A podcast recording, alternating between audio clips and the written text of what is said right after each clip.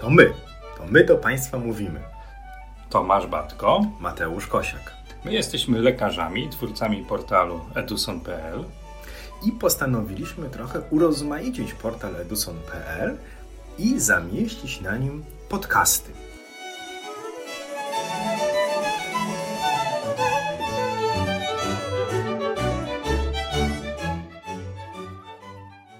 Dzień dobry Państwu. Dzień dobry. Wrzesień, roku szkolnego początek, lato chyli się ku końcowi, czas brać się do roboty. Właściwie idealny czas, żeby brać się do roboty. No, czas najwyższy wziąć się do roboty, wszak nawet i nasi rządzący już zakończyć powinni swoje wakacje, choć one pewnie były krótkie z racji napiętego grafiku wyborczego, ale sierpień dla wszystkich w tym kraju był miesiącem wakacyjnym, tak czy inaczej. A wcześniej, co już mówiliśmy sobie w trakcie naszych poprzednich podcastów, wiele się wydarzyło i tu ten psztryczek lekki w kierunku rządzących wcale nie jest bezzasadny. No bo nowy rok szkolny, za chwilę nowy rok akademicki, człowiek chciałby się czegoś nauczyć, coś poosiągać. Na przykład chciałby pozdobywać certyfikat umiejętności ultrasonograficznych. O i do tej pory było to proste. Myślę, że przez pewien czas nadal będzie to stosunkowo proste, acz wymagające od nas pewnego zaangażowania i praktycznego i teoretycznego, bo możemy wystąpić chociażby do Polskiego Towarzystwa Ultrasonograficznego o to, aby przyznano nam taki certyfikat po spełnieniu pewnych warunków. Z tym, że od kilku miesięcy w rzeczywistości od dwóch miesięcy, trochę ta nasza sytuacja się zmienia, bo być może za chwilę ten certyfikat nie będzie miał już takiego znaczenia jak wcześniej. O co chodzi? Jaka sytuacja jest obecnie, bądź była do niedawna obecnie? Badania ultrasonograficzne były wykonywane, są wykonywane, nawet nie wiem jakiego czasu mam użyć, przeszłego czy teraźniejszego, wszak jesteśmy w takim wielkim legislacyjnym zawieszeniu, przez trzy grupy lekarzy. Po pierwsze, przez lekarzy radiologów, którzy z racji posiadanej specjalizacji mieli automatycznie możliwość wykonywania badań ultrasonograficznych we wszystkich tego prawnych aspektach, czyli i w prywatnej opiece zdrowotnej, i w tej opiece zdrowotnej finansowanych ze środków publicznych. Po drugie, przez lekarzy nie radiologów, którzy w zakresie swojej specjalizacji mają tę umiejętność wykonywania badań ultrasonograficznych, na przykład gastroenterologia, na przykład endokrynologia.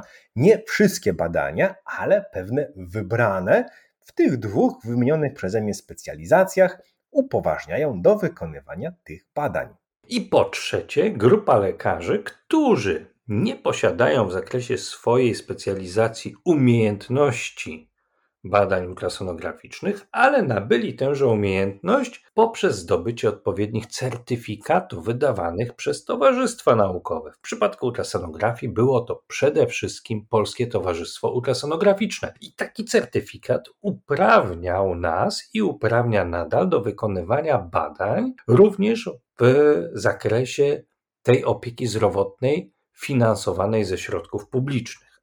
Ale to najprawdopodobniej lada chwila zmieni się być może w diametralny sposób, bo ta trzecia grupa wymieniona przez nas, grupa lekarzy, którzy chcieliby teraz zdobyć taki certyfikat, a do tej pory go nie posiadali, może być pozbawiona tej szansy, bo będzie zmuszona tak naprawdę zamiast certyfikatu wydanego przez Towarzystwo Naukowe zdobyć umiejętność lekarską, którą de facto po części będzie też certyfikowało dane towarzystwo. Ale ta trzecia grupa, to o czym mówisz, lekarze, którzy certyfikat uzyskują, a nie mają w programie swojej specjalizacji takiej umiejętności, to ta trzecia grupa, bardzo fajna, dotychczas działająca furtka prawna, dlatego że jeżeli lekarzu wykonujesz specjalizację, w której ultrasonografia się przydaje, ok, potwierdź swoje umiejętności, naucz się tego, dorób niejako to, czego nie masz w specjalizacji.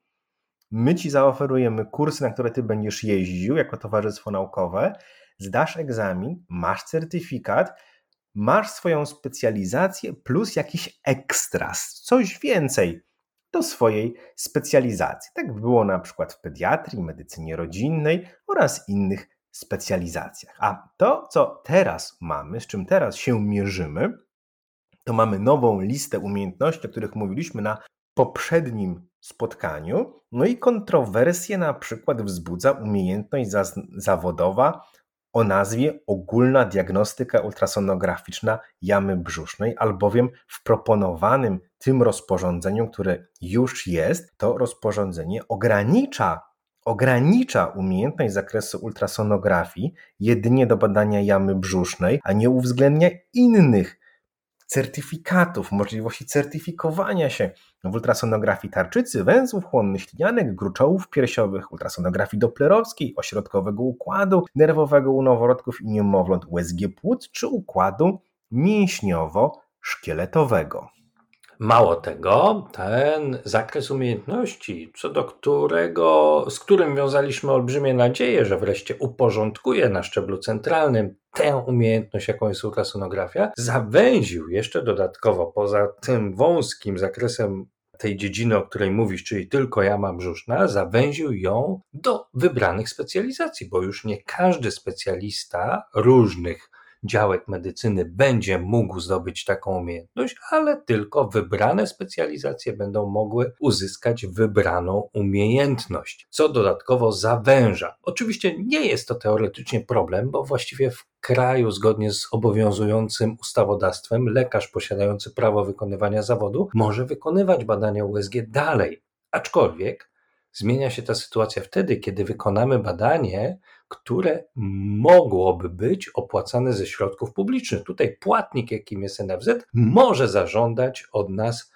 posiadania konkretnej umiejętności, a my takiej umiejętności posiadać nie jesteśmy w stanie bądź nie będziemy w stanie, bo ona po prostu nie będzie istniała. No i zatem stoimy na takim stanowisku naszym, lekarzy praktyków, iż zaczynamy się zastanawiać, czy takie rozporządzenie nie ograniczy pacjentom dostępu do pewnych badań w ramach to, o czym mówisz, właśnie ochrony zdrowia finansowanej ze środków publicznych, albowiem lista lekarzy, którzy mogą wykonać USG tarczycy, ślinianek, węzłów chłonnych, nagle się bardzo skróci. Zatem pacjenci będą czekali dłużej. Zatem ci lekarze nie będą mogli opisywać badań tomokomputerowych czy innych, bo będą wykonywali to, co dotychczas zgodnie z prawem obowiązującym wykonywali inni lekarze. Ograniczy dostępność do, do badań, niektórych badań ultrasonograficznych pacjentom to rozporządzenie, wydłuży czas oczekiwania.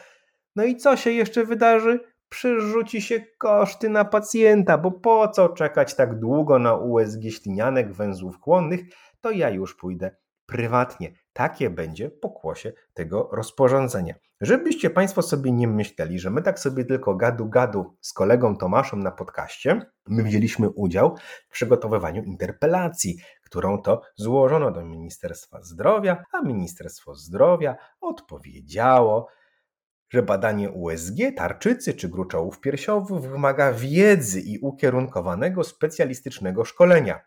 Z tym my się zgadzamy. Nawet to szkolenie było oferowane przez Towarzystwo Naukowe i ta wiedza też była do zdobycia. I nie ma uzasadnienia włączania do certyfikacji tej umiejętności innych lekarzy specjalistów, czy lekarzy bez specjalizacji, niż lekarze leczący dane jednostki chorobowe. Z tym się nie zgadzamy, albowiem zmiany ogniskowe w tarczycy do 50% populacji występują. Czyli nie myślmy, kto co leczy, ale kto na co choruje. Czytam dalej. Intencją bowiem wprowadzenia w życie rozporządzenia jest możliwość rozszerzenia kwalifikacji tych lekarzy, którym pomocna w praktyce zawodowej może być taka umiejętność, a nie zastępowanie przez nich lekarzy radiologów czy ginekologów i tu bardzo jasno Ministerstwo Zdrowia informuje czytelnika w odpowiedzi na tę interpelację, iż nie ma zielonego pojęcia o tym, co dzieje się na rynku usług ultrasonograficznych od 30 lat oraz o tym, co dzieje się w Europie.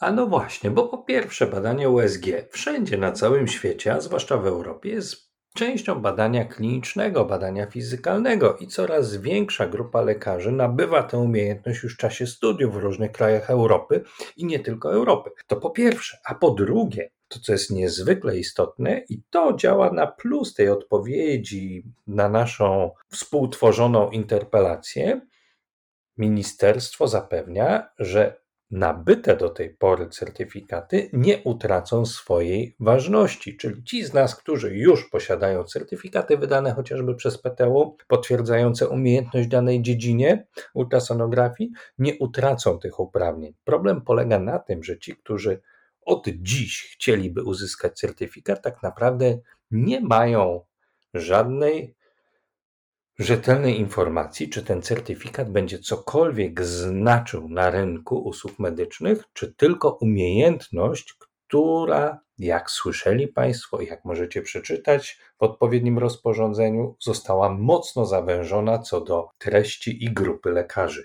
My nawet nie jesteśmy w stanie uzyskać informacji, co powinno znajdować się w zakresie, czego się nauczyć do danego certyfikatu. Dotychczas wszystko było bardzo jasne, bardzo klarowne. Trochę jesteśmy w takiej sytuacji, że wyważamy drzwi, które są otwarte na oścież przez ponad 20 lat. Pewne doświadczenie w certyfikowaniu Polskie Towarzystwo Ultrasonograficzne zdobyło. Trochę szkoda, że z tego doświadczenia się nie korzysta. Zwłaszcza, że nie znamy do tej pory, tak jak słusznie zauważyłeś, programu, który powinien towarzyszyć edukacji przy nabywaniu konkretnych umiejętności, ani umiejętności praktycznych, ani wiedzy teoretycznej, którą powinniśmy uzyskać, zanim przystąpimy do egzaminu potwierdzającego naszą umiejętność, chociażby w dziedzinie ultrasonografii jamy brzusznej u pacjentów dorosłych czy u dzieci. Dlatego nasz podcast dzisiejszy zaczęliśmy słowami takimi, iż rozpoczyna się nowy rok szkolny, za chwilę nowy rok akademicki, trzeba brać się do roboty i my to też do tej roboty się bierzemy. W taki sposób, że o tyle, o ile możemy, jako strona społeczna, inicjatywa oddolna, postaramy się nie zostawić tego naturalnemu biegowi rzeczy, ale tam, gdzie można, będziemy wbijali szpile. Może nie o to chodzi, żeby wbijać szpile tak do końca, ale tak, żeby ustawodawca czuł na plecach oddech lekarzy praktyków. No bo też chyba musimy mieć świadomość tego i pewną taką, pewne takie poczucie społeczeństwa obywatelskiego, że wbrew pozorom od nas też dużo może zależeć od tego, jaką przyjmiemy postawę wobec zmian w ustawach, wobec rozporządzeń, które są pisane. Czasem mamy wrażenie nieco na kolanie przez osoby, które nawet nie zasięgną informacji u źródła, u osób, które na przykład badania USG wykonują. Zachęcamy Państwa do chwili refleksji nad tym rozporządzeniem. No i też zachęcamy ewentualnie do tego, aby dzielić się swoimi przemyśleniami również na forum portalu eduson.pl, bo być może one będą również i dla nas wszystkich wspólnie pomocne ku temu, żeby drążyć temat dalej u źródła, czyli w samym Ministerstwie Zdrowia. Ciąg dalszy nastąpi. Do usłyszenia!